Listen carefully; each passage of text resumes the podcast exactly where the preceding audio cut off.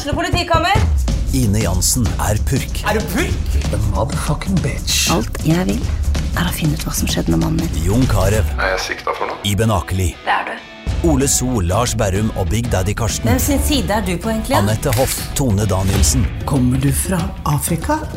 Jørnis Josef, Nesten. Kløfta. Trond Espen Seim, Det er synd å si det, men det var feil mann som døde. Purk. Premiere tirsdag på TV2 Play.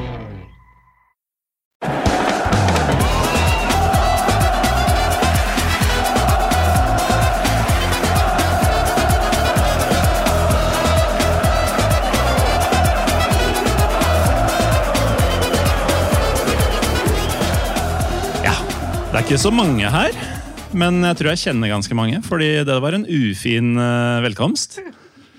Som jeg begynner å bli vant til, faktisk. Eh, velkommen hit til eh, Ball.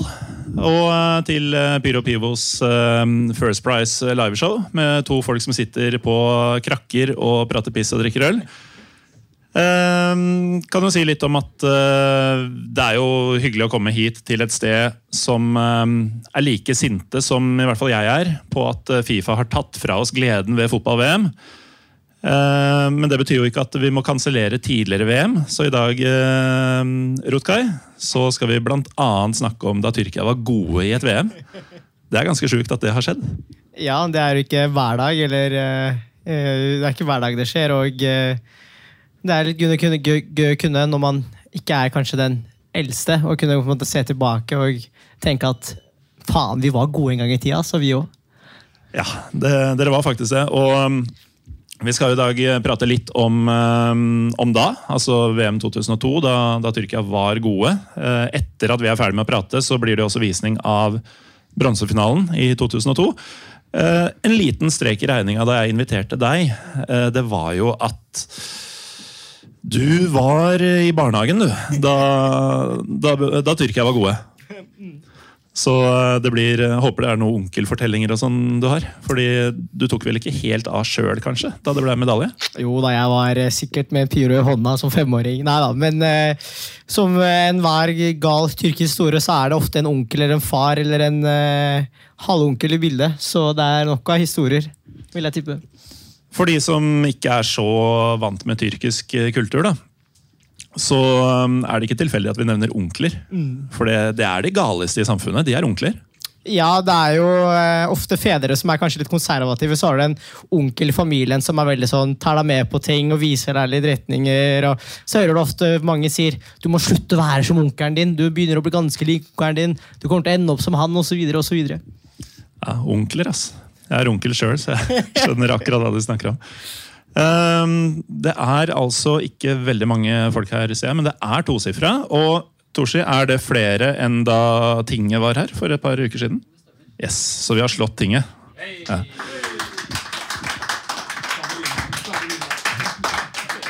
Så det betyr at uh, du og jeg, Rotkay Sabri og Morten Galaasen, vi er større enn Frode Lia og Andreas Seljås. Yes. Og da kan vi vel egentlig gi oss for i kveld? Det, jeg har oppnådd det jeg ville. Vi gjør oss på topp. Men eh, ok, eh, nå sa jeg etternavnet ditt for første gang. Det burde jeg kanskje gjort tidligere. Men eh, du er jo da mm, altså tyrker av natur. Og med etternavnet Sabri så måtte det jo bli Det kunne bare bli én klubb for din del. Ja, og spesielt når han også, i likhet med meg, også spilte forsvar, så var det en slags destiny at jeg også ble Galatasaray-supporter.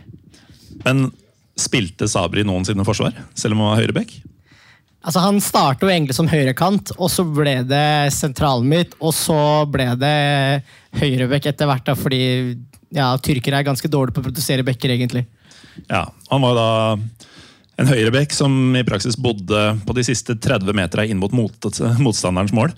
Ja, og så er han jo kjent for å øh, altså, spille fotball i over 20 år. ikke kan Jeg tror jeg har skjelt kanskje sett ett eller to presise innlegg i hele karrieren hans. Til å være høyrebekk så er det ganske godt levert. egentlig å ha to presise innlegg. Det er en av mine første sånn, da jeg klarte å få litt sånn kulturell kred da jeg var i Tyrkia. Det var eh, da vi hadde jeg og noen lokale venner som jeg hadde anskaffa. Vi eh, fikk tak i en ball i parken. Og så sleiva jeg noe så ville helvete, så ballen gikk jo fem meter bortafor eh, denne jeg skulle sentre til. Og så sa jeg bare Sabri Gibi. Som betyr akkurat som Sabri. Og da lo de godt. Da skjønte de akkurat hva jeg mente. Så var du mer treffsikker enn navnebroren, eller? Ja. eh, Jeg har eh, mål og assist i karrieren min, så jeg vil si jeg var mer treffsikker. Men jeg var ikke like rask og like eh, arbeidsvillig, da. så kanskje derfor jeg endet opp på puben her, og han endte opp i Galatasaray. da. Ja, jeg tenker at Galatasaray er et publag, men uh, Første skuddet er avfyrt. Ja. Men eh, det blei altså Galatasaray for din del. Er det, altså, dette har vi snakka om i tidligere episoder av Pyro Pivo, men mange tror jo at det er sånn at du blir født inn i en eh, Galatasaray-familie, eller at det er de i den regionen eller den delen av byen de holder med det laget osv. Det er jo ikke så enkelt. Altså, Åssen var veien til Galatasaray eh, for din del? Altså, Den er egentlig veldig interessant, fordi at min far er jo eh, ikke tyrkisk. Han er jo iraner, egentlig. Da han kom til eh, Tyrkia i, på 80-tallet, så var, ble han sammenlignet med en på Galatasaray som het Or Tutuneker. Og eh, så begynte han å se på eh, tyrkisk fotball, da, og han falt veldig for Galatasarays spillestil, fordi Galatasaray er veldig kjent for å ha et veldig offensivt lag og veldig offensiv spillestil. Så det var på en måte sånn han ble forelsket i Galatasaray. Og på en måte, så for meg har det egentlig vært helt tilfeldig at pappa flykta fra Iran til Tyrkia, møtte mamma, og så kom de til Norge. Og det er litt sånn, så, så ble jeg Galatasaray-fan, da. Men jeg lærte jo mye mer selv enn at det kom fra familien, fordi at pappa introduserte meg aldri for Galatasaray, tok meg med aldri med eh, til kafeen, siden vi ikke hadde TV-kanaler hjemme. Jeg måtte liksom eh, følge med på tyrkisk VG live selv og se på resultater. Gjorde det en hel sesong før jeg på en måte eh, vi fikk kanaler hjemme, da, og da hadde på en måte allerede kjærligheten starta fra min side, egentlig. Men uh, altså, du sa tidligere at eh, man blir jo bomba med en sånn her, eh, 'ikke ende opp som onkelen din'. Det var ikke sånn at du hadde onkler som holdt med Fenerbahçe, Besiktas, Trabzon, Bursa Nei, altså min mors side er jo faktisk bare Galatasaray-fan, bortsett fra eh, min avdøde bestefar og bestemor som er Besiktas-fan. Og bestefar var Fenerbahçe-fan, mens eh, onkel, tante og mamma er jo vært liksom, ikke ihuga, men onkelen min har vært veldig Galatasaray-fan. da. Ekstremt òg, faktisk.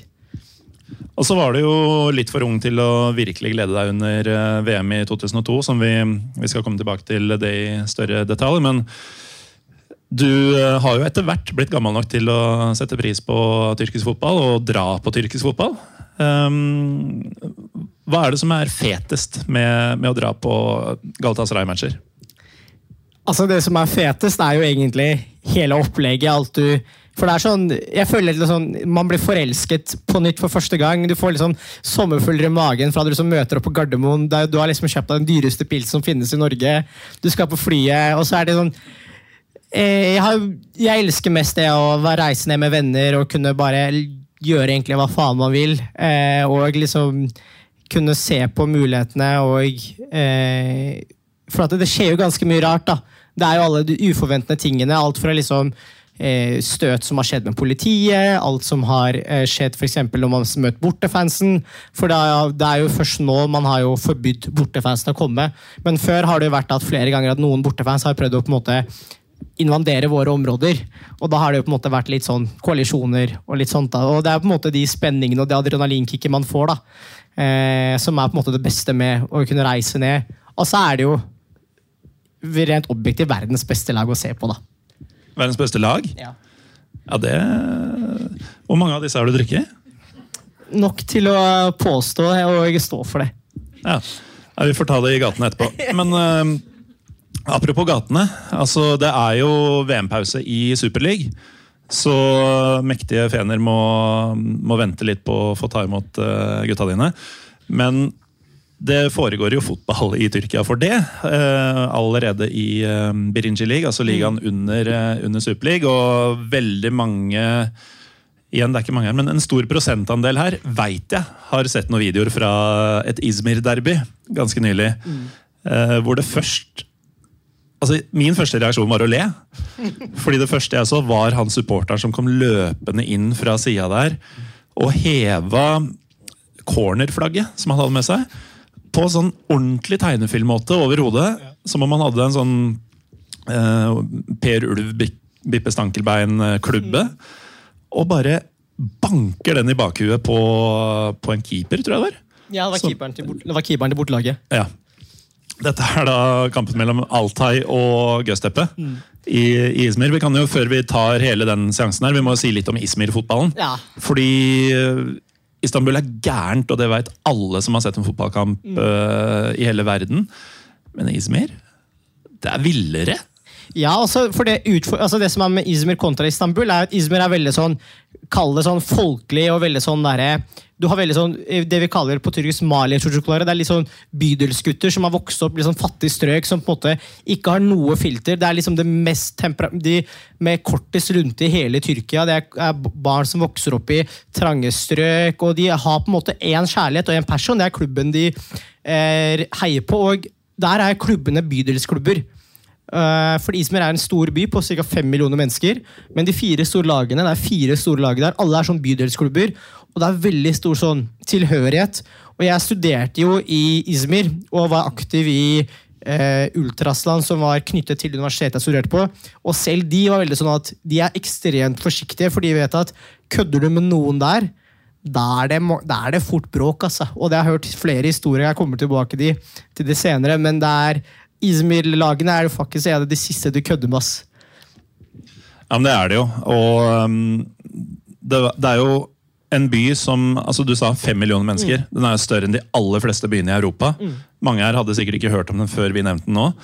Uh, gigantisk. Og i motsetning til, um, til Istanbul, da, så er det uh, veldig sånn geografisk knytta hvem du holder med. Og det er jo da fire store klubber som aldri har suksess. Til tross for at eh, byen er eh, Nå fikk det til å høres ut som et brutalt sted å være, men det er jo en flott by. Ja, det er en nydelig by. En, eh, altså, jeg syns den er finere enn Istanbul, for den har, den har en helt egen sjarm. Den har hav.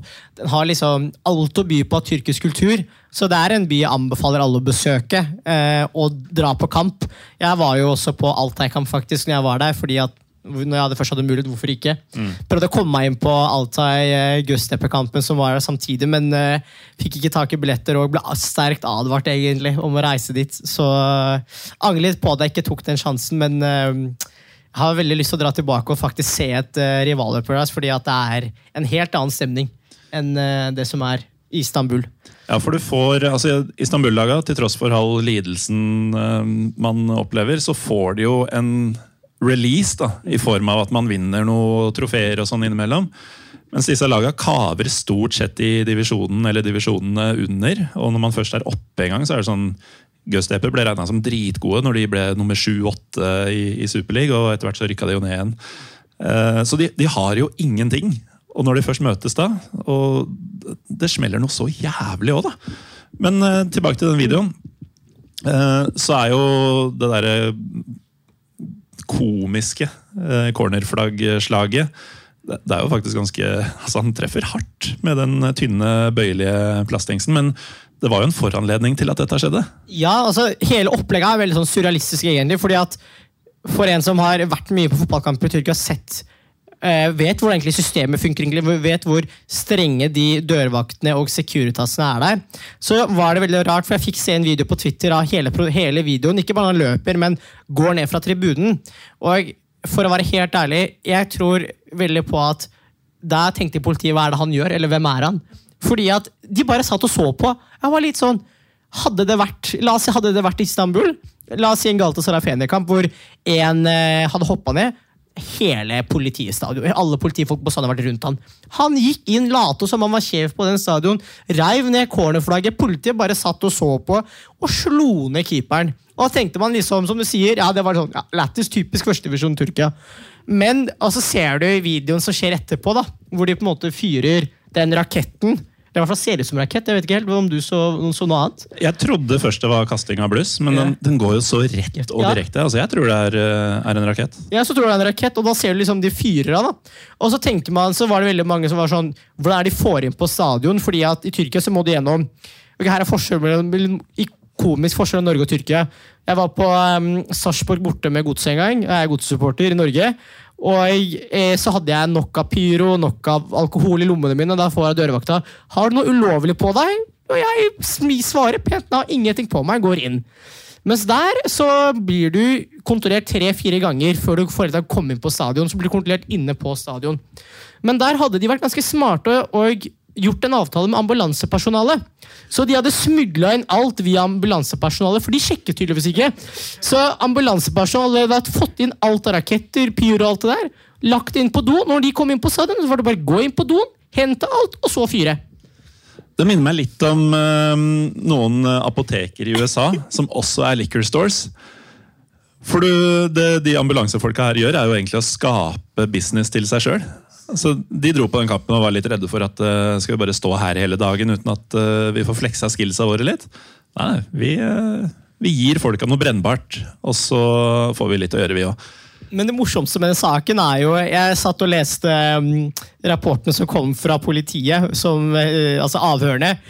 Da var han ene som sa at jeg var ganske påvirket av alkohol. Jeg husker ikke hva jeg gjorde. Jeg visste at det var en rakett eller at det var en pyro. Jeg skjønte ikke helt hva jeg gjorde. og Hadde jeg vært, hadde jeg på en måte vært edru, så hadde jeg ikke gjort det. Så tenkte jeg inni meg du vet veldig godt hva du gjorde der. Du trenger ikke å skylde på alkohol.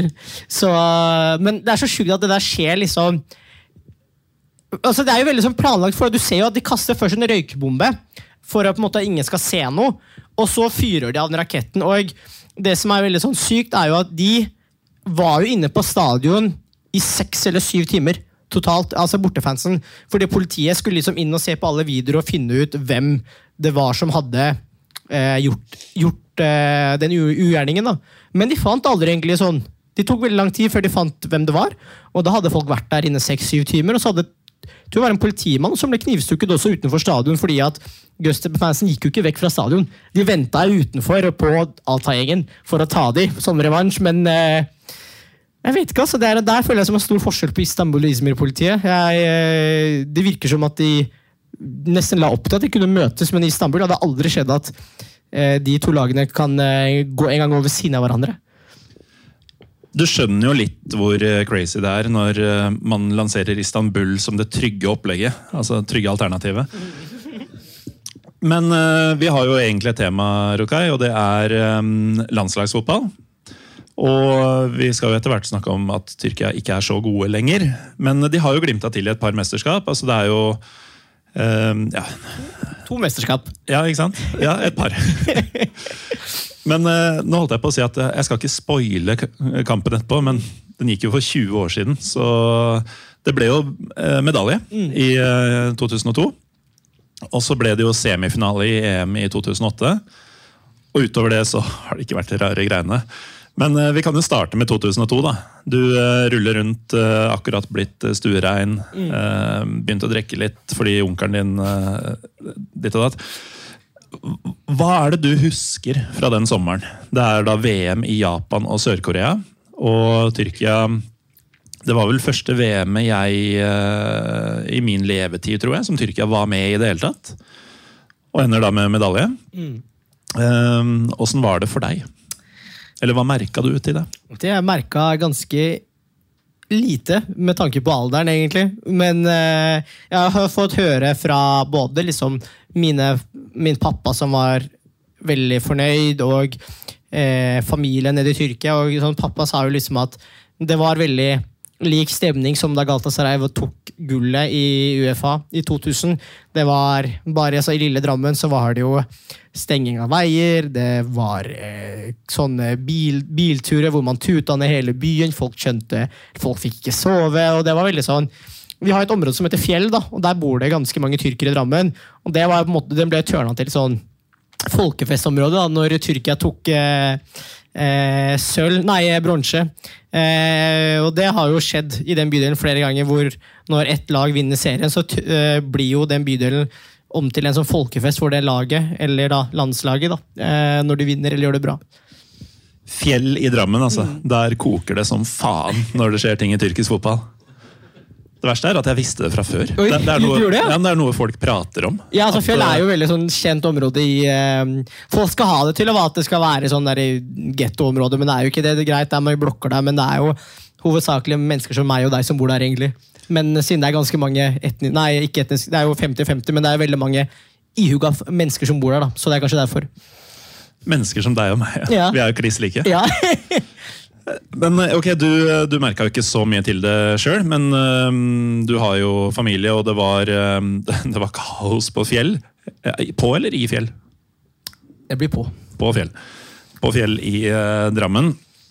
Men uh, siden du nevner e, Uefa-cupen 2000, så er det jo det er ikke helt urelatert. dette Nei, her. For det er en rød tråd her. Ja, for det var jo to år eh, tidligere, bare. og det var ikke rent få Galatasaray-spillere i den VM-troppen. Nei, og det er det jeg mener er veldig sånn eh, Folk ikke vet, fordi at eh, man kanskje tenker på at det er som Tyrkia som et landslag, men det henger en veldig rød tråd egentlig fra 96, mener jeg, da.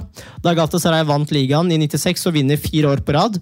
Og på det landslaget, eh, i 2002, av de eh, folka som spilte seks eller syv kamper, så var syv til åtte personer i startelveren fra Galatasaray. Eh, Det skal sies at typ Emre Belozolo, Okan Kamburo Kakan Shukur og de var jo i andre klubber. Men de, hele den gjengen, Forsvaret og midtbanen, hadde spilt sammen i Galatasaray. Så det var jo spillere som kjente hverandre ekstremt godt. Alle hadde kommet enten fra akademiet eller kommet til Galatasaray i veldig ung alder.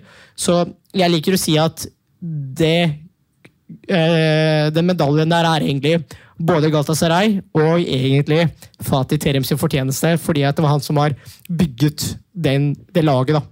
Ja, og det er altså Det er nesten overraskende hvis man går tilbake og ser på dette, at det ikke var Fatih Terim som trente det landslaget. For det er sånn man bare Det måtte det jo være. Men eh, det var en annen fyr eh, som gjorde det. Det var, det var Shenol Gunners. En, eh, oi, Ups. det går bra. Men eh, det er jo en eh, veldig sånn Mange har jo prøvd å forestille han til at han skal være en bedre trener enn Fatih Terim pga. nettopp han fikk til det han gjorde i VM. Men jeg, altså, jeg vet ikke helt om jeg er egentlig sånn eh, inhabil til å si noe om det. fordi at eller om jeg er inhabil, fordi at er, jeg er jo Galatasaray-fan, og Terim er jo eh, ikke bare en trener for oss, han er en far. Terim er eh, for oss en eh, urørlig person. Vi, pleier å si at Terim, den, som, den som selger Terim, selger klubben og har ikke vår støtte. Så eh, jeg tror eh, Kjell Gunners er en trener som er helt ok. Har aldri hatt noen store prestasjoner egentlig klubbmessig. Hadde én turnering med landslaget som ikke på en måte er hans fortjeneste. Eh, så jeg tror liksom at han er veldig sånn For meg en veldig oppskrytt trener, egentlig. Men han er jo um, altså Er det Trabzon som har oppkalt stadionet sitt eh, etter han? Altså, Ja, han har vært han er, ja. Hvis det er um, en sånn rangliste, da, så, og du setter Fatih Terim først, så er det ingen tvil om at Chenol er nummer to. Ja, det kan, jeg, det kan jeg være enig med. at Gunners er nummer to. Han er jo, som du sier, han har jo fått en oppkalt til seg i Trabzon. Det er jo der han var keeper i flere år. Og har trent den klubben tror jeg, fem ganger. Og har null ligagull med Trabzon. Og har kun to med eh, Besiktas og en god sesong med Bolsaspor i 2014-2015. Mens eh, Fatirem er jo en vinner da, i, gjennom historien, både i Galatasaray, på landslaget og på, og i Italia, egentlig, selv om det var en kort eh, periode i Italia. da. Ja, den ble kort, men det var, det var Milan. Og Fiorentina. Først Fiorentina, så Ja. Milan. Det er ikke noen køddeklubber, altså. Nei, det er eh, Og han var suksessfull der òg, men det er, liksom, er det indre krefter da, som har på en måte som ødela hans karriere. da. Så, eh, men det er en helt annen historie. For det, jo, som fun fact, egentlig, det er litt morsomt, egentlig, fordi at da Fatih Tere fikk sparken i Fiorentina, så det som tok over etter han, det var Roberto Mancini. Og da, da han fikk, kom tilbake til Galatasaray i 2011-sesongen, så fikk han sparken i 2013, og da var det Roberto Mancini som ble erstatta over han igjen. da. Så to ganger i hans liv så har han blitt erstatta av Mancini. Én i Fiorentina og én i Galatasaray, faktisk. Så Mancini sjekker alltid hvor, eh, eller åssen Fatih Terim gjør det et sted, for å finne ut eh, hvor hans neste jobb eh, blir. Jeg tror Hvis du hadde spurt Fatih Terim, så ville han sikkert trett italienske landslag. Han snakker italiensk flytende, så hvorfor ikke? Ja, det, det skal man være glad for, fordi engelsk er han ikke så stødig. What can I do sometimes? Is the football? What can I do sometimes? It's the football. Det er som når min venn Roy her uh, sier 'sometimes maybe good, sometimes maybe shit'. Som, eh, som Gattuso begynte å kopiere fra Roy eh, Ja, ja. noen år seinere. Hvis vi, dette er ikke eh, holdt på å si manuset vårt, i den grad vi har noe, men eh, topp to, uh, Fatih Terim, Chenol Gunners. Hvis vi skulle lagd en pall her, og en tredjeplass da blir det, det er langt steg ned, altså. Selv om det er altså, Jeg tenker sånn Hvem hadde du, hvem hadde du valgt, egentlig? Jeg er litt spent, egentlig. Første som faller meg inn, er eh, Mustafa Denizli. Ja, den, ja, den er litt vanskelig, egentlig. Oi, da, ja, da kan man begynne å diskutere om man kan sette Dinesli over. Altså, det som er sånn, For å fortelle om sånn kjapt om Mustafa Dinesli, er jo fra Izmir, toppskårer i Altai. Men en Galatasaray-fan, egentlig. Men han har vunnet ligaen med Galatasaray, med Besiktas og med Fenebache. Så øh, han er jo høyt respektert i alle klubber, men han er jo Galatasaray-fan, så man kan jo fort diskutere om han egentlig er nummer to. Det er såpass. Ja, ja. Altså, Snakker du ned Chenol sin, eh, sin hånd på dette jeg har aldri vært fan av han. Hater han. Ja, så jeg, eh, jeg syns jo Trabzonspor er verre enn Galatasaray. Så når de oppkaller stadionet etter han, så, så havner han på shitlista mi ganske, ja, ganske fort. altså. Eh, laget i Mm. 2002. Eh, du har du name-droppa en del spillere i stad. Mm. Eh, det er vanskelig å komme utenom Hakan Sjukur. Selv om han skåra ikke flest mål. Det. Nei. var en eh, fyr som kom fra ingen steder som gjorde det. Ja, Det var jo en skinna kar fra Ankara. Nei, fra Adana. Hassan Shash. Det var, var vel Ilhan uh, Mansus som Ja, så beklager, herregud, Jeg, jeg Han, han var ikke skinna. Nei, det, jeg, Han hadde manke. Ja, jeg tenkte, Beklager flest mål. Jeg tenkte, han, Hassan Shash fikk jo eh, faktisk eh, eh, Var jo med i Ballon d'Or etter det VM-et, faktisk. Eh, hvor der jeg satt litt fast. Men ja. Har du sett bilder av Hassan Shash i disse dager? Ja. Han ser ikke ut som en kandidat til Ballon d'Or. Altså. Nei, han er eh, Kan jo gange meg med 100, så har du Hassan Shash. Ja. Han har blitt omfangsrik. Ja, eller jeg har noe sett bilde av Wesley Snyder siste kanskje åra, så er ganske lik han òg. Det er sånn uh, man blir av å spille i Galatasaray. Ettervirkningene er brutale. Ja. Men uh, ja, vi kan jo snakke litt om Hassan Shash, altså Ballon d'Or-kandidat. Mm. og når jeg nevner det VM-laget, så er det, det er Hakan og så er det et par andre. Hassan Shash er alltid nevnt av folk, og alle lurer på hva skjedde med han etterpå. Ja. Hva skjedde med han etterpå? Han ble værende i Galatasaray. Eh, og jeg husker han eh, vel Altså, han har alltid vært der. Og jeg har blitt sånn Han var jo sånn aggressiv, typisk tyrker. Aggressiv, kort lunte. Eh, gjør egentlig alt for klubben. Ekstremt jeg vil ikke si ekstremt teknisk spiller. egentlig Han var rask, hadde løpskapasitet. Og, eh, og på den tida trengte man ikke å være teknisk, egentlig. Det hjalp, det med å løpe. Så han kom ganske langt med det. Han kom langt med det, og det å se kul ut. Ja, Han var skinna. Ja, Folk likte den. Ja, han var gal. Han var gal. Hvis du ser, hvis du ser liksom noen klipp av han, og ser øynene hans, så er det litt sånn I'm gonna kill you look. Han har det liksom den stilen, liksom. Han har det, og mm, spilte jo da stort sett for eh, Vi glemte å nevne kallenavnet til Fatih Terim, for det er ganske hardcore. Ja, eh, imparat, eh, ja, Keiseren, eller herskeren. Og det fikk han faktisk i Italia. Det var ikke på Nei. grunn av, Jeg var helt sikker på at det var pga. Uefa-cupen. At han hadde erobra kontinentet. Ja, men også, det var på en måte Italia det begynte å, begynne å få liksom, fotfeste. Så begynte det å komme jo sånn Grande Terim eh, også veldig mye, men eh, Imperator eh, det, er, eh, det er fint, altså. Ja, det er nydelig. Og um, du har da Hassan Shash, som er klin gal og spiller fotball for keiseren. En annen uh, som vi må snakke litt om, er jo selvfølgelig Hakan Sjukur. Ja, det er vanskelig å ikke snakke om tyrkisk fotballhistorie og VM 2002, og ikke snakke om Hakan Det har blitt det har blitt uh, en helt sinnssyk historie, faktisk. For uh, ja, du kan jo, før vi kommer til hvor han er i dag, så kan du jo fortelle litt om standinga han har hatt i tyrkisk fotball. Ja, altså Vi snakker om en spiss som eh, kom til Gatasaray veldig ung og skårte mange mål. Han er den spilleren som har skåret flest mål i tyrkisk fotballs historie eh, på klubbnivå. Og også på landslagsnivå, hvis vi ikke tar helt feil. Og har jo vært en ekstremt populær spiss i alle år. Alle, Hver gang det kom en ny spiss, spesielt i Galatasaray, så var det sånn Dette er nye Hakan Sjukur, dette er nye Hakan Sjukur, dette er nye Hakan Sjukur. Det var liksom han som var eh, det forbildet. Det var han som man, han var CV-en da, når man så etter en ny spiss. Han skal være høy, han skal kunne skåre mål med hodet, med høyre, med venstre. Altså Han skal være så komplett. Så gjør han det bra i Galatasaray, gjør det helt ok i utlandet, kommer tilbake. Gjør det fortsatt helt ok på landslaget og i um, Galatasaray. Så legger han opp, da. Og så Men når han legger opp, så er han vel håper å si, moderne tids mest populære og største spiller? Ja, han, og uansett, hvis du møter folk som ikke kan noe om Tyrkia, så, kan alle, så vet alle hvem Hakan Sjukur er. Alle sånn, å, du, ja, du er det fra Tyrkia? Ja, ja, Hakan Sjukur, Hakan Sjukur. Alle vet hvem han er. Ja, så virkelig sånn herre det første fotball... Altså Når man som nordmann i gamle dager dro utenlands, så sa folk Solskjær og Carew, liksom. Nå sier de Haaland. Karev også også spilte i Besiktas, og det er også verdt å nevne. Han har spilt i Tyrkia, faktisk. Ja. Besjiktas hadde mange nordmenn. Ja, De hadde Thomas Myhre for de som ikke visste det. 2000. Johnsen var der. Ja.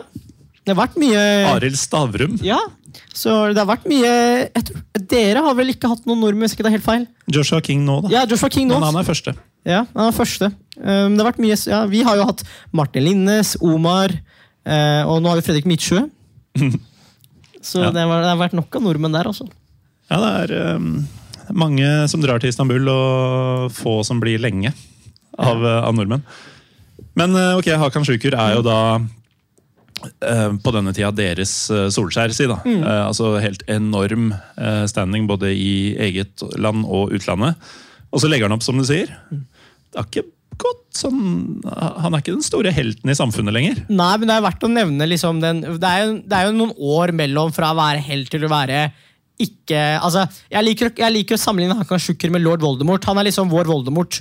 Eh, litt fordi at du skal ikke nevne Du skal ikke si navnet hans. Eh, he's the man Hva er det man sier, da? I Harry Potter. The forbidden name, eller sånn. Eh, du skal ikke nevne hans navn. Og, men etter at han la opp, så var han jo veldig sånn eh, frontfigur for da nåværende regjeringen i Tyrkia, egentlig. Han eh, har vært veldig brukt av regimet i Tyrkia i dag på forskjellige ting. Han ble jo stortingspolitiker for dagens re regjering også, en gang i tida. Ja, for dette er en viktig del av hvor vi skal. Han har gjort en stor innsats for partiet til Erdogan. Da. Ja, ja, han har vært eh, stortingspolitiker, han har vært eh, fotballreporter. Altså, det var en periode han satt både på Stortinget og var ansatt i da, det som heter nå Bainsport i dag. Da, og kommenterte fotballkamper i helger og var på Stortinget i hverdagene. Og det var til og med snakk om, jeg husker det kjempegodt, i 2011 var det snakk om at han skulle bli idrettsminister. Det var, gikk veldig mange rykter om det, fordi han var liksom for Ingen andre skulle være idrettsminister enn han. da. Men eh, det skjedde ikke. Og så kommer jo eh, Melder han seg ut av partiet i 2013 pga. Eh, uenigheter, og så skjer det et, et militærkupp i Tyrkia hvor på en måte nei, hvor Hakan Sjukur blir beskyldt for å på en måte være en del av den bevegelsen som man hevder står bak eh, den, den gjengen. og han måtte da flykte til USA. Alt hans eiendel i Tyrkia ble fryst. Faren hans sitter vel fortsatt inne, om jeg ikke tar helt feil. Og nå kjører han Uber og underviser på universitet i USA. I Pennsylvania. Ja, øh, rett og slett. Og blitt YouTuber, da. Det er verdt å merke. Han har blitt YouTuber. Han har blitt YouTuber? Ja, han har egen YouTube-kanal, så bare å sjekke ut. Han, eh, men jeg var kanskje litt forsiktig, at hvis du sjekker den ut, så kan det du bli arrestert når du kommer ned. Mm. Fordi, Jeg vet ikke om dere fikk det med dere, men det er veldig morsomt. Det var eh, Marokko, eh, ikke Spania-kampen, Marokko siste kampen hadde før Spania. Skårte et veldig tidlig mål. Sa kommentatoren at uh, dette var turneringens tidligste mål. Men uh, og så sa han at uh, Men rekorden ligger fortsatt hos Tyrkia, med Hakan Sjukur. Og, som er jo fakta. Hakan Sjukur har jo det tidligste målet I i VM-historien. VMs historie. Eh, og han fikk sparken på direkten for å nevne hans navn. Han ble tatt av i pausen, så måtte bytte kommentator. Og i pausen la ut en tweet at han har, at han har terminert kontrakten sin med den tyrkiske statskanalen TRT. Og han er arbeidsledig per dags dato fordi han fortalte fakta som er veldig sånn åpenbart. Så hva skal han si at Og dette er veldig sånn, det her må jeg faktisk nevne, fordi at i, um, når jeg, av og ser på Galatasaray sin TV-kanal, og da viser du selvfølgelig La oss si vi skal møte lag X i helgen, så viser de gamle eh, mål man har scoret mot de klubbene. Og det er to spillere de har fjerna fra det. Eh, og det husker jeg veldig godt, for jeg så eh, et, eh, et av tidligere mot Ankara Guju. De fjerna målene til Serdar Aziz, han som er stopperen i Fenerbahçe nå, og alle målene til Hakan Sjukur. Og det er liksom, De viser også reprisen til den berømte Leeds-kampen, hvor Hakan Sjukur skårer mål. Altså, han er ikke til stede. Og det samme gjelder jo også Netflix-serien om Fatih Terim. Der også så virker det som man, man ikke har vunnet Uefa-cupen fordi man har sensurert alt som Hakan Sjuker gjør i alle mulige TV-klipp. Det er liksom, Du ser helt borte. Og det er veldig sånn det er blitt en veldig stor diskusjon også internt i Tyrkia at greit, eh, man kanskje ikke anerkjenner han eller, eh, lenger, men er det sånn, den cancel-kulturen han har opplevd, da, har vært veldig sånn derre Altså, han, har, han har blitt sånn der skikkelig cancelled, og det er en diskusjon i Tyrkia om, om er det greit å cancele han helt, eller skal man på en måte Greit, han har gjort, tilhørt en bevegelse man ikke liker, men vi kan ikke fjerne liksom, han helt fra liksom, TV-en og de gamle klippene. Så han er jo liksom ja, gått fra å være Harry Potter til å bli lord, lord Voldemort, egentlig, i Tyrkia. Ja, men det er, det er jo Tyrkia i et nøtteskall, egentlig. Ekstremt også. For hvis du, vi vi snakka om Izmir i stad. Altså Mm. hoved, nei, flyplassen der er jo oppkalt etter Adnan Menderes. Ja. Altså, Flyplassen i Tyrkias tredje største by, en av de største og viktigste flyplassene i hele landet, en av de største byene i hele landet, oppkalt etter en fyr som ble hengt for landssvik. Så um, han, ja, veien mellom helt og, um, og antihelt det, Ja, altså, vi har jo også universitet. Ja, altså, ja eh, vi, har, vi er jo også, ja, Tyrkia er et veldig interessant land eh, Ja. på mange måter. Altså, man, kan, man kunne skrevet en bok om hvor egentlig altså, også Ting henger sammen, egentlig. Sånn, eh, altså, det er to ting tyrkere har lidenskap for. Det er fotball, og så er det politikk. Utfordringen er at man er veldig sånn Heier man på et lag i Tyrkia, så har man samme mentalitet på et parti i Tyrkia. ikke sant? Så du kan tenke hvor, sånn, hvor passion egentlig alt er, da, egentlig. Eh, så liksom både Det å diskutere fotball og politikk det er veldig sånn vanskelig. da. Som, som du sier, Men det er også veldig ironisk at man har eh, ikke bare flyplasser, men skoler eh, oppkalt etter mennesker eh, som man har henrettet. Yes. Um, men altså, historien om Hakan Sjukur, da, altså fra hele nasjonens uh, favoritt til en fyr som du får sparken for å si navnet. Og det er ikke sånn at vi skal se på dette, og så får du svar om et par uker. Du får sparken der og da! Ja, det var helt sykt, fordi at jeg, eh, altså, jeg ser jo ikke på VM, men jeg, jeg er jo ganske aktiv på Twitter. Og så var det noen som la ut jeg bare, det her kan ikke stemme. tenkte jeg. Det Dette er, dette er å tøye streken. Og så viser de noen klipp fra første omgang.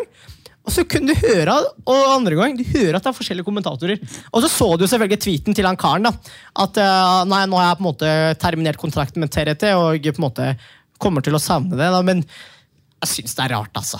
Han er jo helt uskyldig. Hva... Vi kan ikke benekte fakta, tenker jeg. Nei, det, det er helt sjukt. Um, En kompis av meg, som ikke skal nevnes ved navn, men han sitter uh, for seg sjøl i hjørnet til høyre her. Han uh, sendte meg jo den linken og sa tenk at dette er et relativt mektig land og en, en Nato-alliert og alt mulig. Altså, det er helt sinnssykt at, uh, at det der kan foregå, og at det ikke er snakk om en bananrepublikk. Ja, Nå- Og var det deg? Legg til den andre nyhetssaken fra Tyrkia den dagen. Mann skutt og drept av sin egen hund. Ja! Ja! Stemmer det, ja! Ja! Det var de to tinga som skjedde i Tyrkia den dagen. I Europa. ja. Den dagen. Skutt og drept av sin egen hund. Ah, Tyrkia er dette skal. Ah. Altså, vi, vi pleier å si på tyrkisk at eh, eh, jeg kunne aldri bodd i et annet land. Fordi at ingenting er som å bo der. For alt er sånn Du ser der, og du ser, du, når du går der og tenker Faen, dette er typisk tyrkisk. ass. Ja. Og det, det å bli myrda med pistol av sin egen hund, det er typisk tyrkisk. Ja, det Jeg så jo, apropos det, nå sporer litt av, men jeg så faktisk en video på Twitter at en, mann, en bikkje angrep eh, altså beit av penisen til eh, en eh, kar på Twitter. Det var eh, også i Tyrkia. Eh, jeg tenkte faen, altså. Det er, eh, det er Tyrkia i nøtteskall, det òg. Altså. Løse hunder. Ja, De har litt mange hunder der, eh, for sitt eget beste. Men vi må videre. Og um, den andre oppturen til landslaget, um, det er jo EM 2008. Man deler jo ikke ut annet enn gull og sølv i eh, europamesterskap, men det ble jo da semifinale. Tyrkia står som nummer tre. Altså. Ja, På hvilken Er det din egen ranking? Nei, men du, jeg mener Nei, men jeg mener oppriktig hvis Hvis noen eh, Nå er det mulig å motbevise, men jeg mener, hvis du ser på Jeg tror jeg leste på nett, men Tyrkia blir ranka som tre, fikk tredjeplasser. på en måte Jeg vet ikke hva de så etter, men jeg mener å huske det. Kan hende det er feil, men for i Tyrkia har vi alltid lansert det som tredjeplass, egentlig. Eh, at liksom Det er kjempegøy, fordi at Eh, veldig så gøy, for Vi snakker veldig om at ja, vi, vi tok, vi tok bronse i 2002 og vi tok bronse i 2008. Det er sånn, Russland det har vi bare liksom feid de sier, ja, Vi hadde slått dem uansett. ikke sant? Jeg tror vi kanskje tok dem på walkover. Ja, det, Det, det, er sånn man, det er sånn det funker. Ja! Men det var jo et øhm, mesterskap som altså det, det skiller seg veldig fra sånn jeg opplever det tyrkiske landslaget egentlig alle andre år. Fordi øh, det, var preget, det var et lag som var prega av ekstrem mentalitet. Altså sterk mentalitet. Man tapte første matchen mot Portugal. Portugal. 2-1 eller 2-0? 2-0, tror jeg det var. Og så kommer man under. Det er den der andre matchen mot Sveits hvor det regner så sinnssykt og man får nesten ikke spilt ballen framover. og sånn. Så kommer man under. Mm. Altså, Fy faen for en kamp det var. altså. Jeg husker hele det hjemme som det var i går. Det har aldri vært så Altså, Jeg var, jeg var jo elleve år, men altså, jeg, jeg, jeg kan lukke øynene og huske hver eneste sekund. Altså, Som du sier, vi starter mot Sveits. Vi altså, vi må ikke tape. Og for å sitere vår eminente landslagstrener på den tida, Fatih Serim, det viktigste er å komme til siste kamp og ha én liten mulighet. Om den muligheten er 0,0 pro- 0,2 vi skal fortsatt ha den lille 0,2 prosenten. Vi ligger under, starter ganske dårlig egentlig mot Sveits. Ligger under, i pøsregn, og du vet Tyrkere er ikke så sterke. Og når det regner og det blir tungt, så er det sånn Det er ikke akkurat eh, vår hjemmebane. Så eh, Nei, så slipper et tullemål, men kommer inn andre omgang med noen fantastiske bytter og på en måte greier å heve oss gjennom hele kampen. Vet du hvem som eh, sendte Sveits i ledelsen? Eh, ja, det var faktisk tidligere Galatasaray-spiller og broren til nåværende treneren Hakan Yakun. Så det var jo eh, Og det var jo også på det landslaget spilte også Gökhan Inler, og også, om jeg ikke tar helt feil, Eren Derdøk også. Det stemmer. Ja. Så, da var det tre tyrkere på det sveitsiske landslaget på den tida der, altså. Så, men ja, vi 1-1 er et dårlig resultat, egentlig.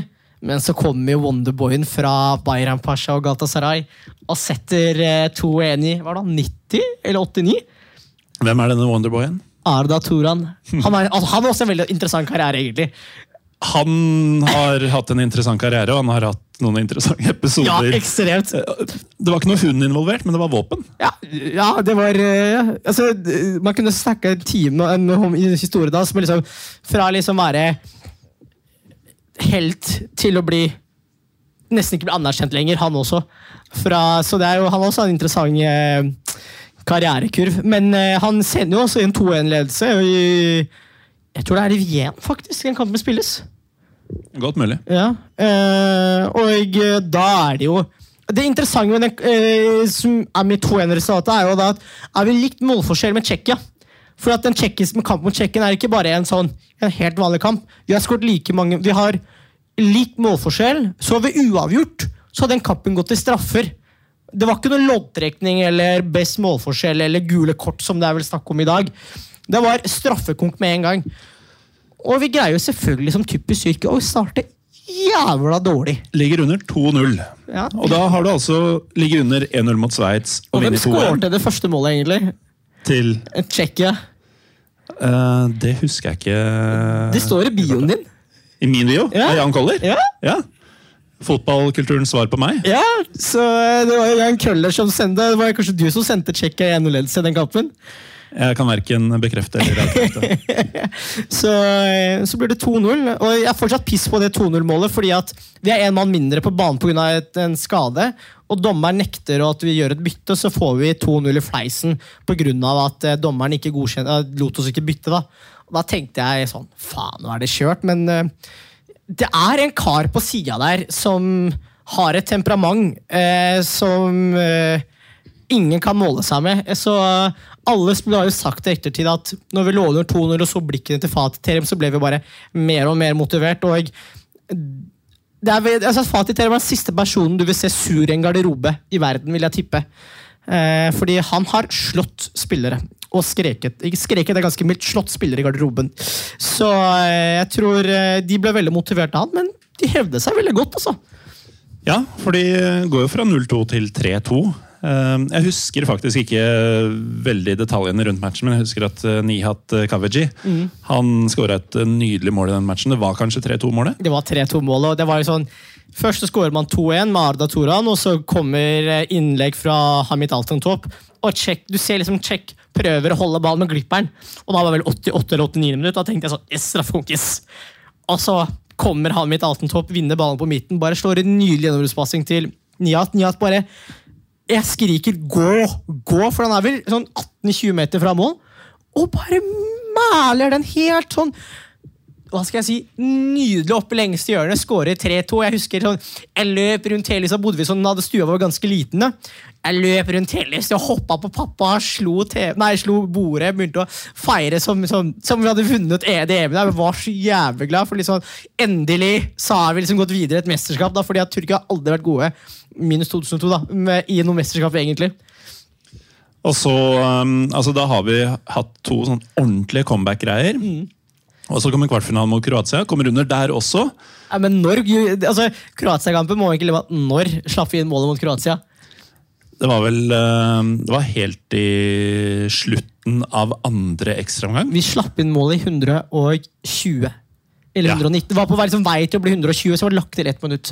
Ja, så var det, liksom, det var mellomrommet der. Fordi I forrige matchen mot Tsjekkia så lå de under 2-1 etter 88-89 minutter. Vinner 3-2. Her har man da holdt 0-0 i 120 minutter. Kommer under. Man har tapt kampen. Ja. Men så kommer gullgutten, vet du. ja. Eh, fra Det er ikke noe Arda Toran sånn nå. nå. Nå er det valpen til, til Roy og meg, nemlig Semi Shenturk, som fikk en helt absurd rolle i det mesterskapet. her. Han var jo reserve i et Fener som bare har blitt nummer fire i ligaen, tror jeg det var. Og um, kom da inn i opptil flere kamper og skåra jo hver jævla gang. Han, ble, han hadde jo kallenavnet Nubeche Golju. Eller sånn der, han var jo veldig sånn derre Han kom inn når laget trengte mål, og han skårte mål. Men det som var moro mor, med han, er jo at han skårte veldig sjelden mål når han starta. Han skårte flest mål etter han kom inn. Ja, Han var jo en elendig spiss. Ja, e- ekstremt, men han gjorde jobben sin når han kom inn. da. Så han fikk jo ballen, kom en lang ball. Det var vel off, jeg tror det var en offside, egentlig, posisjonen før. Kommer en lang ball, plutselig ball, ballen detter foran eh, Semi Shantur. og Han bare skyter, jeg tror han treffer til og med en forsvarsspiller. Går i mål. Jeg, var, jeg er helt målløs. 1-1 mot Kroatia. Og så Apropos helter fra Fener, det blir jo straffekonk her.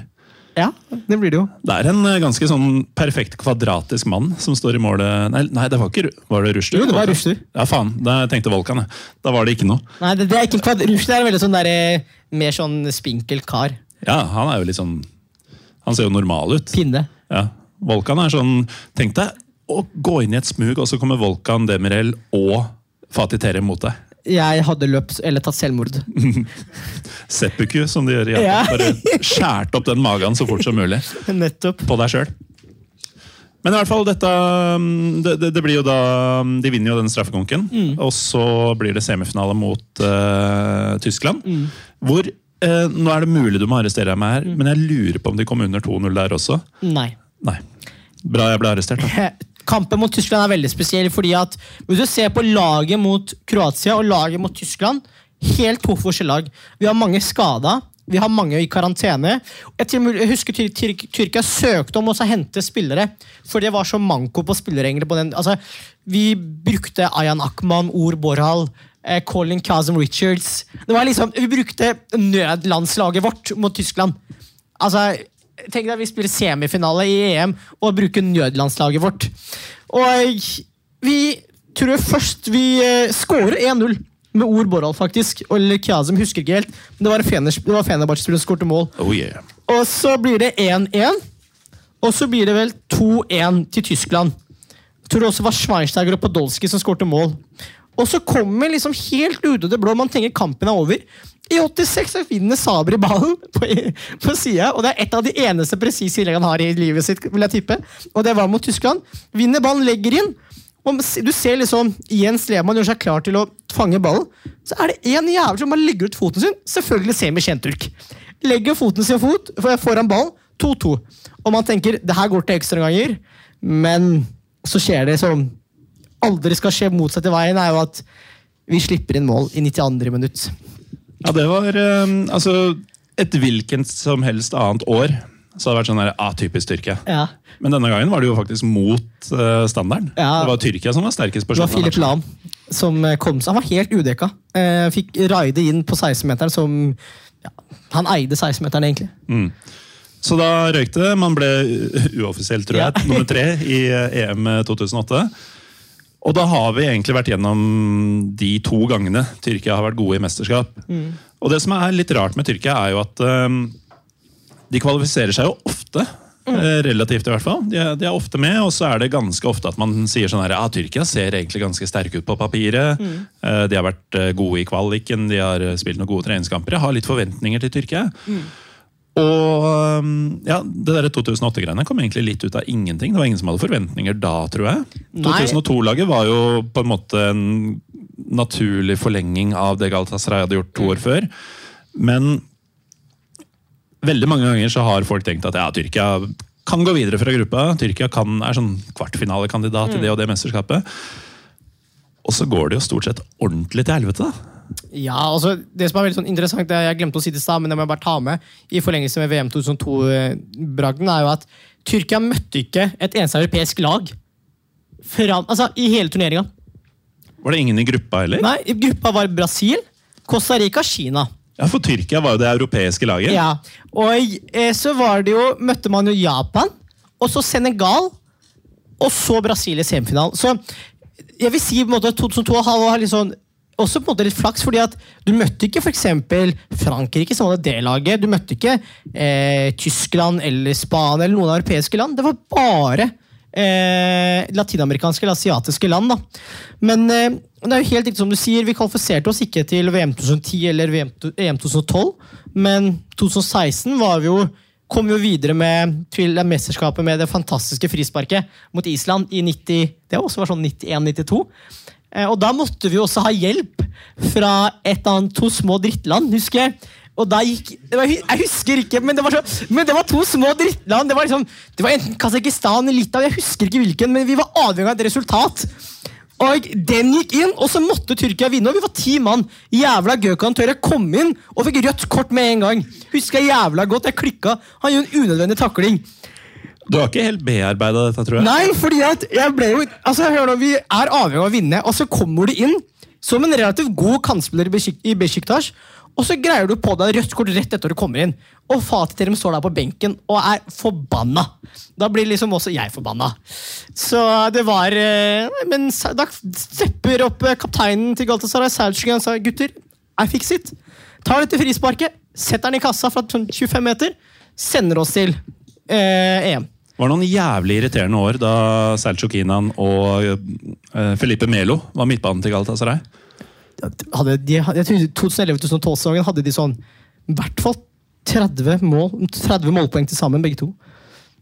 Ja, Og Felipe Melo snakka seg ut av 30 røde kort, tenker jeg. Ja, Karen spytta jo ned en Besiktas-spiller, husker jeg. Så han er, han, fikk, han er også en Det er tilsnakk, det.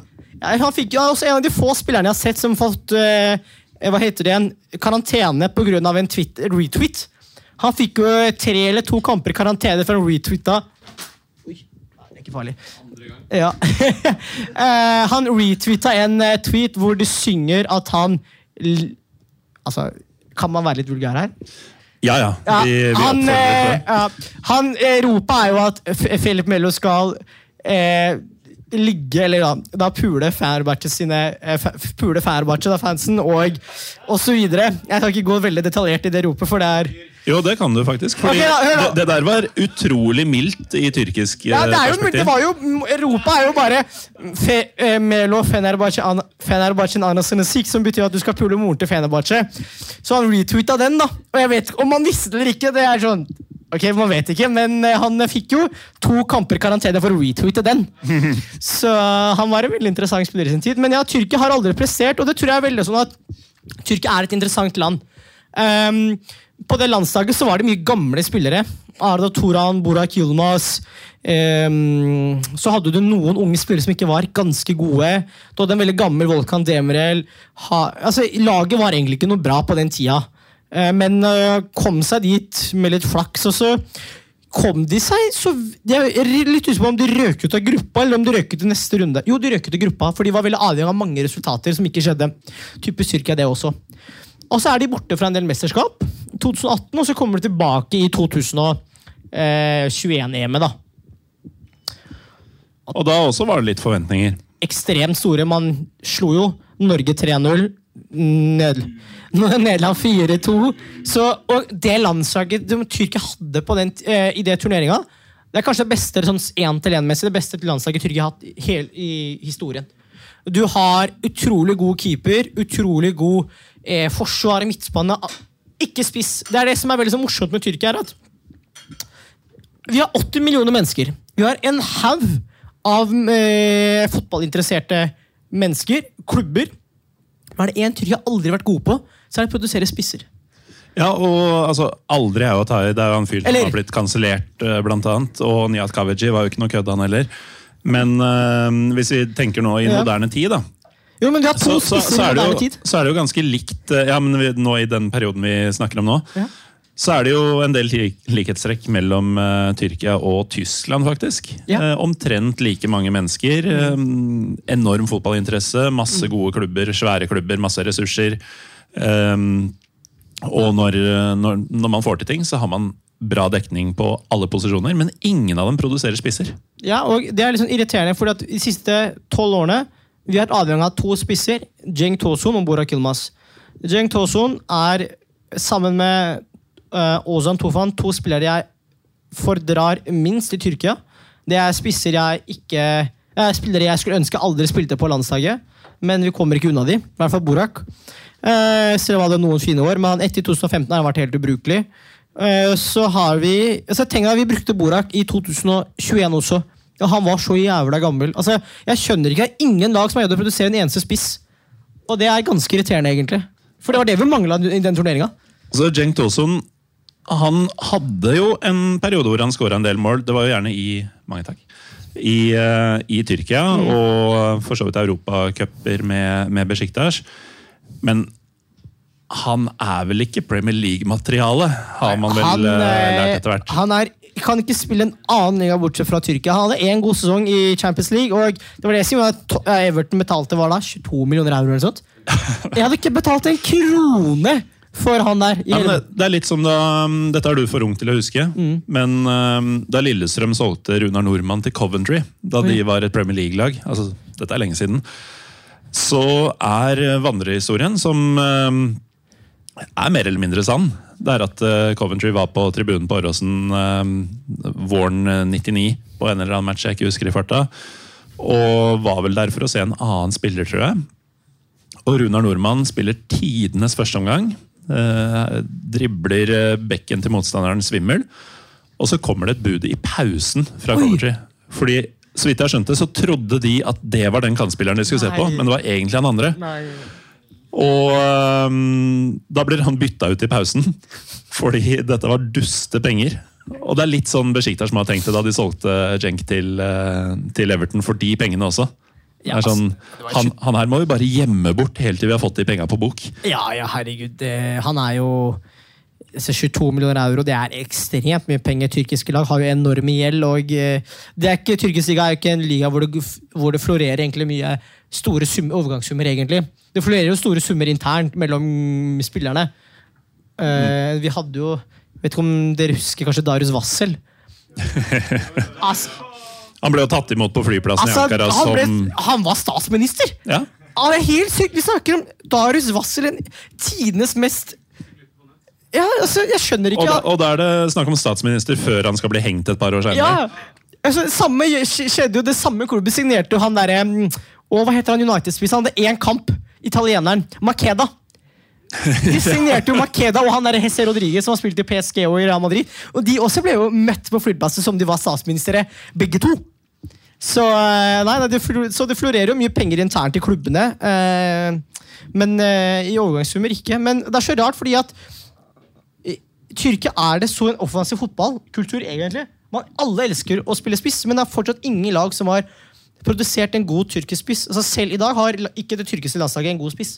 Man lever på liksom kanskje Enes Unal. Det var en stor drøm at han skulle bli en veldig stor spiss, men han ble jo en helt decent spiss i La Liga nå, da. Ja, ble ja, helt decent uh, altså, Sånn sterk treer, kanskje? Ja. Svak firer. Sterk tre. Ehm, men det, det er jo Du er jo inne på et av de store mysteriene i europeisk fotball. Og det er jo Tyrkia med sine pluss-minus 80 millioner mennesker. Svær diaspora som lærer fotball i andre land. Som man har blitt eh, mer, eh, mer og mer sånn Jeg vet ikke om flink er riktig ord, men man har, man har henta flere og flere av dem til det tyrkiske landslaget. Eh, spillere som er oppvokst i Tyskland spesielt, men også Sveits, Danmark, England, altså what have you. Av de ca. 80 millioner menneskene, så er jo 78 millioner die hard fotballfans. Alle drømmer om å spille fotball for landslaget, for en av de store klubbene, bli proff. Ehm, og klubbene har, i hvert fall storklubbene, har penger. I utgangspunktet ligger alt til rette her for at dette skal bli en fotballstormakt. Hvorfor, uh, hvorfor blir man ikke det? Det fins mange måter å svare på det spørsmålet på. Jeg skal svare på to måter. Først det korte svaret. Temperament og utålmodighet. Og det er liksom at Tyrkere er veldig sånn eh, Forventer resultater. De er liksom han 16 år gamle gutten som møter opp på treningssenteret, løfter to vekter og tror han liksom er bodybuilder. For liksom at eh, de gjør noe og forventer resultater med en gang. La oss si at det kommer en ung spiller. Og så har han én bra kamp, og så venter at han skal bli den nye store stjerna. ikke sant? Det er liksom ikke snakk om tid, det er ingen som setter av ressurser, det er ingen som tenker et langsiktig løp. da. Og alle er litt sånn at nei, vi skal ha resultater med en gang, men ingenting kommer gratis. Du, det må, ting tar tid, og når du ikke setter av den tiden, da blir egentlig alt tilfeldigheter. Og jeg merka det veldig godt fordi at jeg Det er en klubb som heter Manisaspor, som er der jeg kommer I nærheten av Ismer? Ja, jeg er jo fra Manisa. Så jeg har jo hatt venner som har vært på um, akademilagene der. da. Og jeg har sett litt på de treningene egentlig av og til. Og jeg skal være helt ærlig, det, de trener, måten de trener på, er liksom det vi lærer allerede barn. Det er, altså, Trenerstaben i akademiene til mange av lagene er ikke gode nok. De er ikke, alt flyter veldig på tilfeldigheter.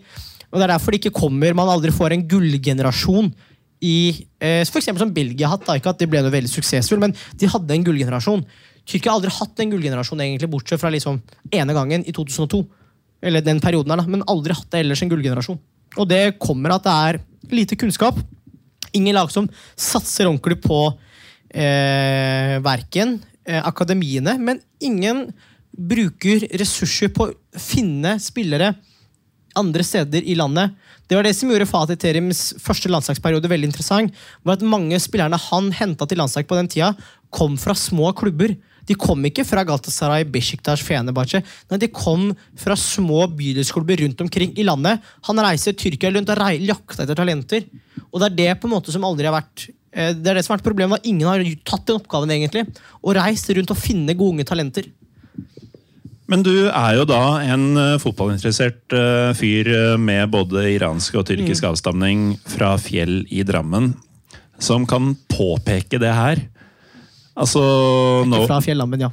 Mhm. Jeg er ikke fra fjell, men uh, hengt mye der. Ja. Uh, Drammen, i hvert fall. Ja. Eh, fjell, det er gettoen, det. Der, der drakk du.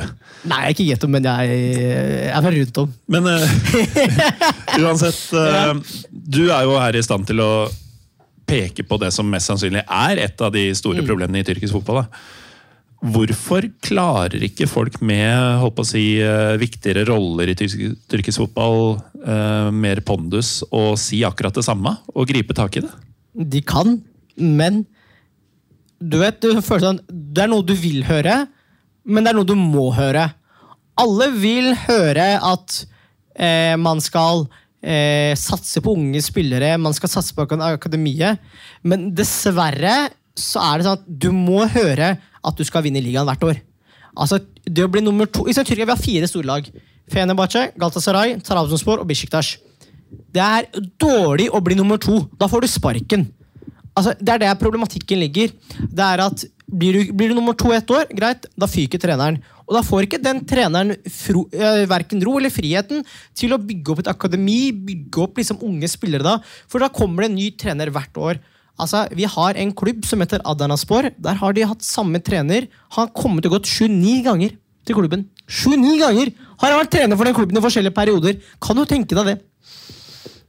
Jeg har jo fulgt tyrkisk fotball i snart 15 år. Ja. Jeg kan tenke meg Ja. altså, Men, men jeg tror veldig veldig få her er overraska over det, egentlig.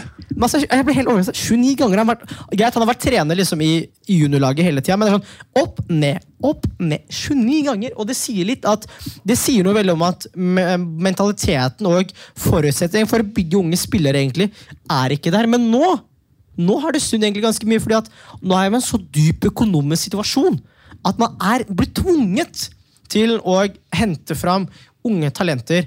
Og selvfølgelig på den teite utenlandske regelen som man må deale med hvert jævla år. Ja, Og som endrer seg hvert jævla år. Ja, det skulle jo egentlig være syv pluss fire, men jeg mener jo oppriktig at Altså syv i troppen, fire på banen. ja, altså, nei, syv på, nei, du må ha syv utenlandske på Du kan ha maksimum syv utenlandske, men du må ha minimum fire tyrkere i startoppstillinga. Sånn. Og, og eh, jeg mener jo oppriktig at den her ble endret til den var i fjor, altså 8 pluss 3, pga. at Fenerbahçe kjøpte så jævla mange utenlandske. Ja, det tror jeg også stemmer. Så eh, det er regelendringer, tvinger frem ting, men utfordringen er at Tyrkere er late mennesker. Jeg skal være såpass ærlig. Tyrkere generelt er veldig late mennesker. Og eh, de er veldig sånn at Hvis de begynner å bli utfordra, så er de ikke veldig komfortable. De har ikke den der passion av veldig mange av de at nå skal jeg eh, herje. For at, se for deg da, Du kommer fra en liten by, og så blir du henta til en storklubb i Istanbul. Og så får du en ganske fet lønn. Og så tenker veldig mange allerede unge angler faen, jeg trenger ikke å spille så mye. Jeg får en fet lønning som kommer inn på kontoen min. Jeg har fått det til, jeg. Jeg har fått det til. Altså, blir, jeg så, hva, blir jeg noe, så blir jeg noe. liksom. Det er ikke sånn at de vil noe ekstra. og det Mange har den der hvileputen at de er litt sånn Ja, de må bruke meg. Eh, og da gidder det ikke å bli noe av. ikke sant? Og, uh, så jeg tror liksom at Utfordringen er at både mye unødvendige regler, men at mentaliteten til mange unge tyrkiske spillere er dessverre for dårlig. altså. Jeg har sett for mange gode spillere som har vært gode i, akademilag, i akademinivå, som har kommet opp til A-laget. vært Og i det øyeblikket disse spillerne blir snakka om sånn derre Å, her kommer det neste, det og det. Ja. Da veit du at ok, karrieren hans er ferdig. Ja, det er nok av de eksemplene. altså, Herregud. Uh, altså, ligger, jeg vil si at den, den Fenerbahçe er den klubben som har hatt flest av de der boomersa. fordi at eh, man har jo aldri Bortsett fra Arda Guler som kommer nå, så har det vært sjelden at Fenerbahçe har faktisk fått en fra akademiet sitt. egentlig. Det har vært liksom mange spillere som hadde Bacon Chimchek, Recep Nias Det har vært veldig mange av de som har kommet opp fra akademiet, som de har spådd at det skal være ny av det neste. men også interessant er at veldig mange unge flykter jo fra Tyrkia. så eh, noen kan, Kanskje ikke alle vet det, men Frank Ribberi han, eh, Nå er ikke han tyrker, men han var jo Galatasaray et, et, et år. 2004-2005-sesongen. Og det som er sjukt med det, er jo at eh, alle rundt omkring tenker på Tyrkia som et sted hvor store stjerner kommer for å dø. Ja. Men han var der før han ble stjerne. Ja, han, var altså, han var liksom Han var eh, Han ble stor i Tyrkia. Han storspilte uh, Galatasaray til sesongen. Han hadde ett mål, faktisk. Og det var faktisk mot cupfinalen mot Federmatch. Det vant 5-1. da. Uh, så det var litt sånn, uh, litt ekstra artig at det står som hans eneste mål. Men det er utfordrende. Typ Meri Demiral, da. Juventus, Atalanta, Sassulo-spiller. Flykta fra Fenerbahçe-akademiet. Altså, Zeki Celik spilte i Lille, spilte i Roma. Han ble henta til Lille fra førstedivisjonsklubb i Istanbul. Altså, han fra Istanbul-spor. Jeg tenker sånn at Hvordan er det mulig at dere store, tre store klubber i Istanbul ikke har sett han? Cha- Chala Soyuncu, Leicester-spiller, han også ble sendt fra et lag i Izmir til eh, Nürnberg, tror jeg, i Tyskland. Altså, det er folk, spillere folk ikke ser, fordi at man tenker at i Tyrkia så tenker man at hvis det er en spiller med CV kommer, så skal han bære laget. Typ Falcao, for eksempel. Da. Altså, vi svidde av tipper kanskje 10-15 millioner euro totalt på Falcao. Ga oss nada. Men hadde vi brukt de 10-15 millioner på å hente en unge spillere i akademiet, hadde vi i hvert fall fått noe ut av de pengene. Ja, og der er man jo inne på mye av hvorfor tyrkisk klubbfotball ikke går noe særlig framover. Og det henger jo selvfølgelig sammen med altså det at landslaget ikke hever seg også. Eh, Du, du blir jo ikke bedre enn eh, enn din svakeste del, på en måte. Og hvis ligaen ikke tar de stegene, så tar heller ikke landslaget de stegene. Ja, og, men også, her er det veldig interessante er at Nå har man begynt å få veldig mange spillere som ikke spiller i Tyrkia. Før var det veldig sånn veldig unormalt. Og utfordringen er jo at man har hatt veldig mange store profiler i utlandet som har fått lite nytte av på landslaget. Og jeg liker at det ligger sånn rød tråd mellom tyskerne. Først var det Yildiray Barsturk. Storspilt i Leverkusen. Han var på en måte en som skulle være liksom Tyrkias nummer ti. da. Han skulle være vår store spiller. Han krangler med Fatih og så ble landslagskarrieren hans ødelagt. Og så kommer Nori Shahin, debuterte mot Danmark i 2005 eller 2006. Jeg husker til og med debuten, jeg tror han til og med skåret mål. Men det var en kamp mot Danmark. husker jeg veldig godt. Eh, og han jævlig god i klubbkarrieren sin. Kanskje en dårlig sesong i Liverpool og eh, Real Madrid, men ellers bra i Dortmund, bra i Werder Bremen. Han helt elendig på landslaget. Så kommer vi til den nye tyskeren, Hakan Çalhanoğlu. Han spilte i Leverkusen, Hamburg, Milan, nå Inter. Forventer at han skal på en måte være vår store spiller. Jeg syns han er en av de dårligste på landslaget. Fordi det, er liksom, det kommer på dynamikken, men han har aldri vært den landslagshelten man har sett for seg han skulle bli. da. Nei, litt sånn luksusspiller generelt. Ja, og Vi har mange av de. Mm. Og det er eh, utfordringen. Eh, og jeg tror også kommer vel at det er veldig annerledes når du spiller altså på Inter. Du har liksom Lukaku, Lautaro Martinez, Barella. Du har liksom spillere rundt deg som dekker opp for deg, men der er du forventet at du skal være the star. Alt liksom hviler på deg. Du er den som skal bære laget framover. Du er du som skal score med de jævla flotte langs- langskuddene. Er du som skal liksom være vår tid. Du skal være vår mann. Og når du ikke presterer, ja, da får du høre det. Da blir du bua på. Da blir det på. Da er um, mødre og søstre sine edlere deler. Så, som- så er det mødre og søstre, så er du i hilde. Du kan jo gå tilbake altså, uff, altså, altså, Det er litt morsomt, da, fordi at jeg er jo eh, Man ser jo på seg selv som en litt sånn, eh, person som er veldig sånn breddende for likestilling, og liksom, man ser på seg selv som feminist, og alt det men greia er bare at er man i Tyrkia Jeg skjønner ikke, altså, men jeg har aldri hørt et fint rop som ikke banner på enten det motsatte kjønn eller det kvinnelige kjønnsorganet. Og jeg synes det er litt sånn Av og til, selvfølgelig, det er litt gøy, da, men vi har jo et rop mot Besjiktas. Det er noe av det ek Jeg vil si det Jeg vil si det ekleste jeg har hørt i hele mitt liv. Og vi må høre det. Den går jo veldig sånn at ehm, man skal dra eh, få blod ut av rumpehullet ditt. Eh, man skal eh, Vi skal voldta eh, mødrene og søsknene og egentlig alle, hele familien til alle som er medlem av Kjærsju. Charge som da er, Er eh, hovedsupportergruppa til Besiktas. Ja. Ja, ikke sant? Så det er liksom Jeg måtte, jeg måtte bare synge for liksom Jeg måtte bare liksom Altså, det er så mye banning, det er så mye drittslenging, og det er litt sånn jeg, jeg vet ikke, jeg blir alltid blitt litt oppgitt, men det er jo jævla festlig å høre på! Og jævla festlig å synge også! Jeg, jeg husker veldig godt at jeg, jeg bare har sånn egen spilleliste på eh, YouTube. Som, jeg- som jeg eh, girer meg opp til før match. Og den er jo selvfølgelig på den lista. Ja, ja. Og jeg satte den på hjemme. Jeg hørte pappa, hadde aldri hørt den før. ikke sant? Og han så på meg og bare tenkte Han så på meg sånn her. Han var helt litt sånn, han lå, så han var litt sjokkert. Og så kom mamma forbi, og mamma var sånn Wait a minute, hva hørte jeg nå? Og hun bare Æsj! Hva er det dere hører på? Og jeg satt der og tenkte bare Mamma, det er en sang. Hun bare Er det dette dere synger på stadion? Jeg bare Ja, det er det vi synger. Hun bare Fader, ass, Rutka, dette her er ikke bra. Dette er ikke bra. Har ikke jeg oppdratt deg bedre? Ja, eh, så nei, det er, eh, det er mye banning. Det har jo du også vel erfart eh, og sett, vil jeg si. Ja, men det er, det er Fordelen med å være i beste fall uh, gebrokken i, i tyrkisk, Ja. er at uh, jeg, jeg skjønner jo når det er din mors uh, Ja. om du vil. Um, og ord for søster og, og de greiene her. Men iblant så må jeg bare bli fortalt hva den lengre remsa er. Ja? Og da bare antar jeg at ok, det er sikkert sant. Men det, det, det, er, jo ikke mildt.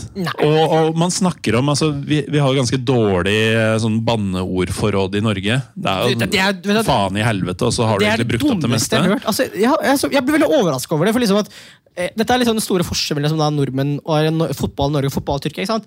Og når vi er, liksom, når vi er ute og reiser med Godsunionen og liksom litt sånt, det er, det er jævlig artig, egentlig. For at tribunekulturen i Norge har jo utviklet seg og blitt ganske bra, egentlig. Og jeg, jeg synes det er ganske artig liksom at det er ingen som banner på stadion. Nei, altså det, du, ikke, altså- du kjører en jævla rasshøl og linjemann er ræva. Ja, Norske dommere er ræva. Liksom, eller når liksom, det morsomste er liksom at vi har ett rop eh, blant godsunionen som er sånn derre eh, tre ganger Miffa. Det er det som minner meg bare Se for, du skal være, se for vi skal være i Istanbul, og så er det Galafia. Tre ganger Fenerbahçat. Det er liksom, det går ikke! Hvor er liksom den passion? Hvor er liksom banneorda? Hvor er liksom trussel om drap, trussel om voldtekt, trussel Altså, hvor er alle disse tingene? Ja, Vi må skjerpe oss. Ja, skjerp dere! Faen, altså, nordmenn. Altså, det er sånn, men samtidig så vet jeg ikke Jeg vet ikke hvordan hadde Fotballforbundet reagert, egentlig. Drit i dem, da. Ja, men altså, fordi at det er lagt merke til at I Tyrkia så er bare skrur ned volumet på du kan jo styre, Spikerne kan jo, eh, Kommentatorene kan jo styre volumet på Ja, Geir Ellefsen hadde kommet inn på alle stadionene samtidig. Så eh, Sånn hologrammer av Geir Ellefsen, der han ikke kunne være sjøl. liksom at Da skrur du ned volumet på tribunen, men du får veldig sjelden straff. Eller kanskje Hvis det skjer noe helt helt alvorlig, så kan de stenge Så kan det bli utestengt en kamp, da, men det er aldri noe som skjer. For språkbruk er jo det ganske sjeldne. Men uh, i Norge så har det aldri skjedd for språkbruk. Så Nei. det er en utfordring til norske supportere i 2023. Ja, Få dere sjøl utestengt som gruppe Ja. av ting dere sier på stadion. litt, altså, vi må tørre å være litt mer vulgære. Ja. Folk er for lite vulgære. Altså, Vi er for politisk korrekte av og til. Ja. Jeg liker å si at På tribune så er det ikke noe som heter politisk korrekt. Der er man eh, Der er alt lov. Der er alt lov. Um, Torsi, du eh, har eh, i oppgave å um, trykke på knappen mot høyre, tror jeg, i powerpointen. For, for å, med den fingeren, ja. Nei, forresten, bruk den der. Ja, takk. Eh, mens vi avslutter her, Rutgeir, takk for at du Kan jeg bare spille noe før vi avslutter? Ja, men vi kan begynne musikken for det. Hvem tror du vinner ligaen i år? Um, Molde vant ligaen i år. Jeg tenkte Tyrkia, da. Det blir jo fener. For at Vi er jo i en veldig interessant situasjon nå, egentlig. For første gang på ganske lenge er det mest sannsynlig de kommer til å stå mellom Gatasaray og Fenebache. Og jeg tror ikke på tilfeldigheter. Og det vil jeg bare avslutte med. Fordi at i 2010, nei 2011 så fikk vi ny trener, nytt styre. Det har vi nå. Nye spillere. Så jeg tror i år er året hvor vi vinner ligaen. Dere? Ja. Ja, du, altså, håpet skal ingen ta fra deg, men eh, det, det, blir, det blir ikke sånn. Uansett, eh, så skal vi snart vise bransjefinalen som du Har du sett den før? Eh, ja, selvfølgelig. Eh, Det blir et veldig tidlig mål, og det blir eh, tyrkisk glede. Så, så eh, Av en fyr som ikke fins lenger. Vi må beholde podkasten, så vi har- kan ikke risikere at han også havner i fengsel. Så når, eh, når kampen begynner, så, så blir i hvert fall sittende i sånn 11-12-13 sekunder.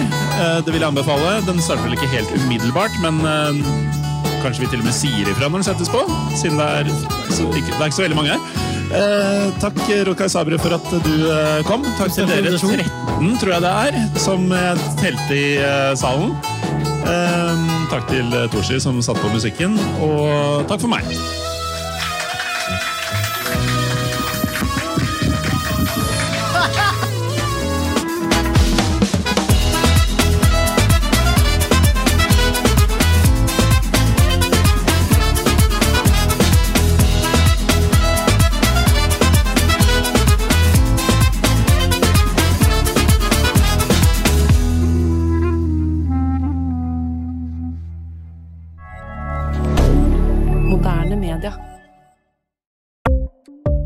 Ukens annonsør er HelloFresh. HelloFresh er verdens ledende matkasseleverandør og kan være redningen i en travel hverdag. Mange av oss har nok vandret i butikken både sultne og uten en plan for middagen, som ender med at vi går for de samme kjedelige rettene gang på gang. Middag burde være dagens høydepunkt. Som HelloFresh kan du nå velge mellom 25 ulike retter hver eneste uke, eller få HelloFresh til å sette sammen menyen for deg. Dette gir deg muligheten til å prøve nye og spennende retter alene eller sammen med familien. Du velger antall porsjoner og får alt levert på døren på et tidspunkt som passer for deg. Oppskriftene er enkle, og maten er lett å lage både for store og for små. Ved å få alt levert hjem får du også mer tid til å dele matgleden med familie og venner. Kanskje det frister med asiatiske tacos eller greskinspirert kylling? Da kan jeg anbefale deg om å gå inn på hellofresh.no. Her kan du bruke koden FOTBALL og få opptil 1779 kroner i rabatt på de første fem matkastene hvis du ikke har prøvd HelloFresh tidligere. Du kan også bruke rabatten hvis du har vært kunde og stoppet abonnementet ditt for tolv måneder siden eller lengre. Gå inn på hellofresh.no og bruk koden FOTBALL. Har du et enkeltpersonforetak eller en liten bedrift? Da er du sikkert lei av å høre meg snakke om hvor enkelt det er med kvitteringer og bilag i fiken, så vi eh, gir oss her, vi. Fordi vi liker enkelt. Fiken superenkelt regnskap.